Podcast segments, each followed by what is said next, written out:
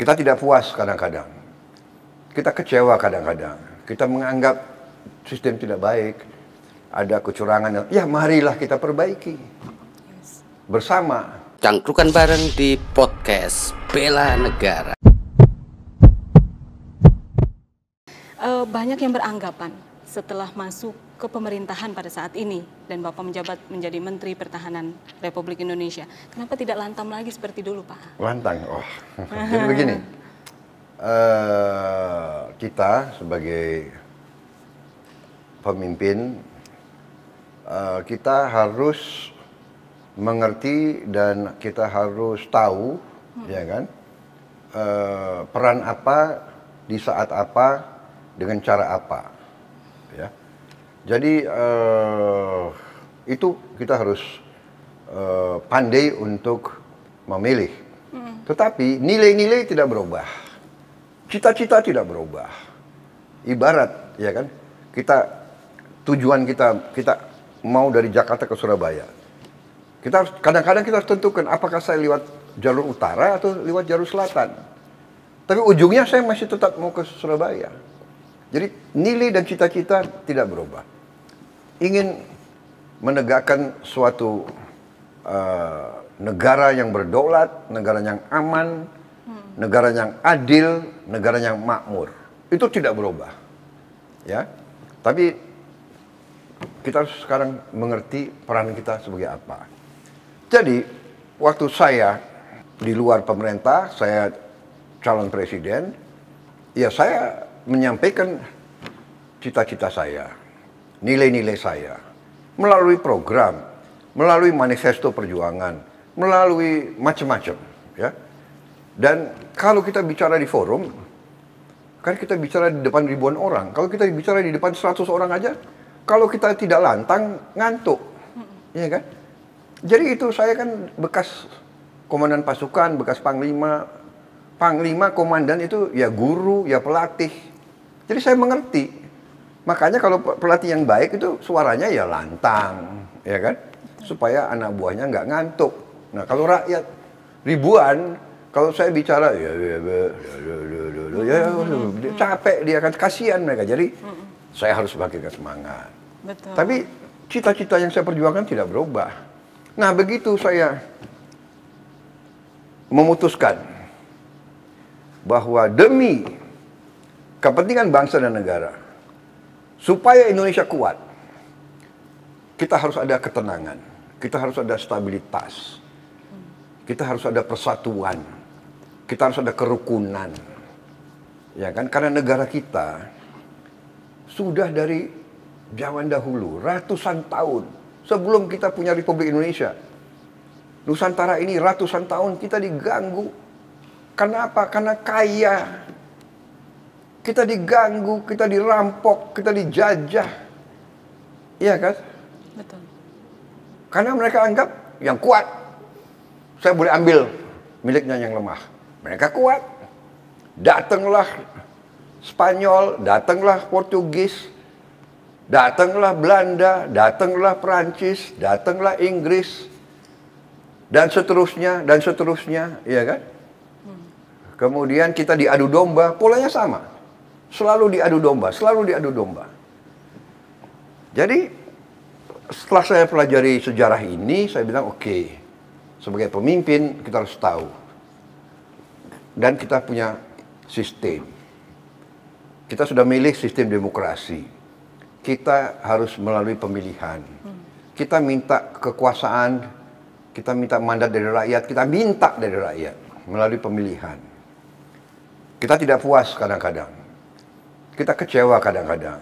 Kita menganggap sistem tidak baik, ada kecurangan. Ya, marilah kita perbaiki bersama. Jadi waktu itu saya demi kepentingan nasional dan keyakinan saya bahwa saya bisa kerjasama dengan Pak Jokowi. Saya kenal beliau lama, kita rival. Hmm. Tapi Anda perhatikan dalam debat pun kita saling menghormati, saling kita saling hmm. bercanda, kita saling benar Untuk betul. memberi kesan kita ini saudara, kita rival, tapi kita ini bukan musuh, bukan kita kadang-kadang sedih kita lihat contoh di negara lain ya. Debat itu ya kan sampai sampai sudah tidak sopan dan tidak apa. Ini budaya Indonesia lain. Ada beberapa rekan saya, ada beberapa pendukung saya yang sempat kecewa sama saya. Oh, kenapa Bapak kok Akhirnya ya, tapi pribadi saya ya seperti itu. Jangan kamu dikte saya. Saya memang banyak orang anggap saya keras ya, dan sebagainya. Ya, tapi saya juga merasa bahwa pemimpin itu harus memberi citra kesejukan dari dulu saya. Ya. Nah, jadi waktu itu saya lihat dan eh, saya putuskan, oke kita rekonsiliasi, kita gabung dan kita kasih kesempatan Pak Jokowi untuk memimpin. Di awalnya saya sebenarnya tidak berharap jabatan apa saja, ya kan?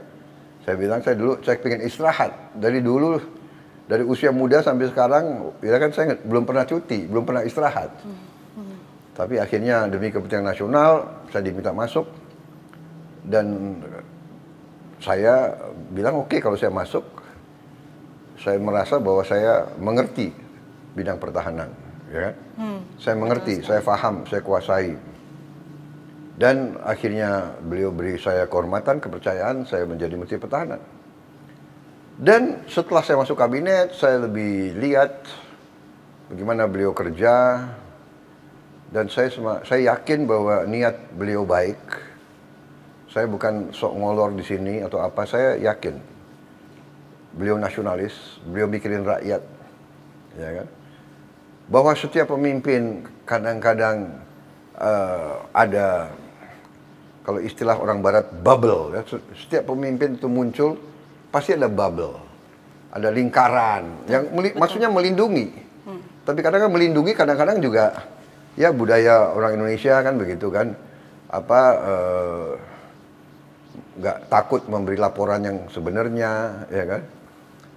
Kedua juga ada juga kadang-kadang yang menurut saya sih suka apa ya eh, menggiring pemimpin untuk mengambil suatu keputusan etc etc begitu loh. Saya juga merasakan di, di lingkungan saya kan begitu. Ada orang yang ngaku ini petunjuk Pak Prabowo Subianto ya kan? ini petunjuk ketua umum Gerindra padahal tidak lewat saya. Kadang-kadang ngaku ya dan ada ada, ada juga yang umpamanya dia sok menjadi apa ya sok menjadi filter gitu loh. Kadang-kadang ya kan surat-surat ke saya nggak disampaikan. Undangan saya diundang ke mana nggak disampaikan. Jadi pihak yang undang kan banyak kecewa. Iya. bilang oh Prabowo nggak menghormati saya Prabowo nggak menghar- menghargai saya. Padahal surat undangan itu nggak sampai. Nah ini kejadian ya.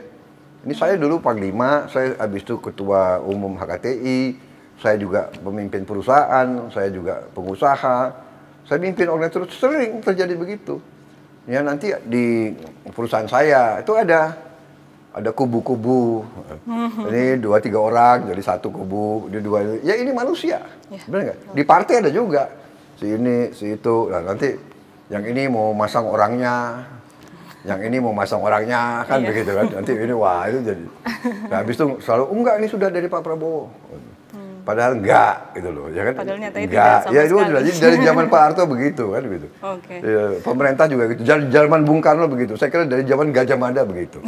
ya kan? Nah, jadi bagaimana kita sikapi? Ya itu. Tapi saya, saya eh, yakin niat presiden baik. Saya saksi. Beliau selalu mikirnya mikirin rakyat. Jadi ini kadang-kadang yang salah persepsi gitu loh. Bahwa tentunya banyak lobby. Ya di Amerika Serikat juga banyak lobby, ya kan? Betul. supaya dapat dukungan presiden untuk ini untuk itu. Iya. Jadi inilah ya kita harus harus bekerja. Ya. Saya kadang-kadang ya itu, tapi saya prinsip kalau saya kepala pimpinan saya dan sekarang beliau pemimpin saya di bidang pemerintahan, saya harus laporkan apa adanya, apa adanya. Cangkrukan bareng di podcast Bela Negara.